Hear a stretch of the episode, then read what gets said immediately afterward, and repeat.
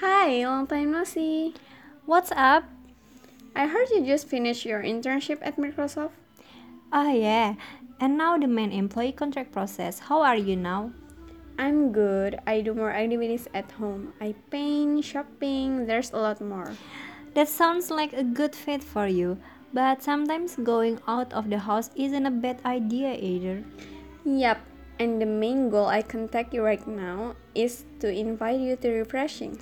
Wow, that's really great. I also need freedom. My plan I want to camp in a car by the sea. Seriously? It's really really fun. I'm in. Oh yeah? Okay, let's go camping.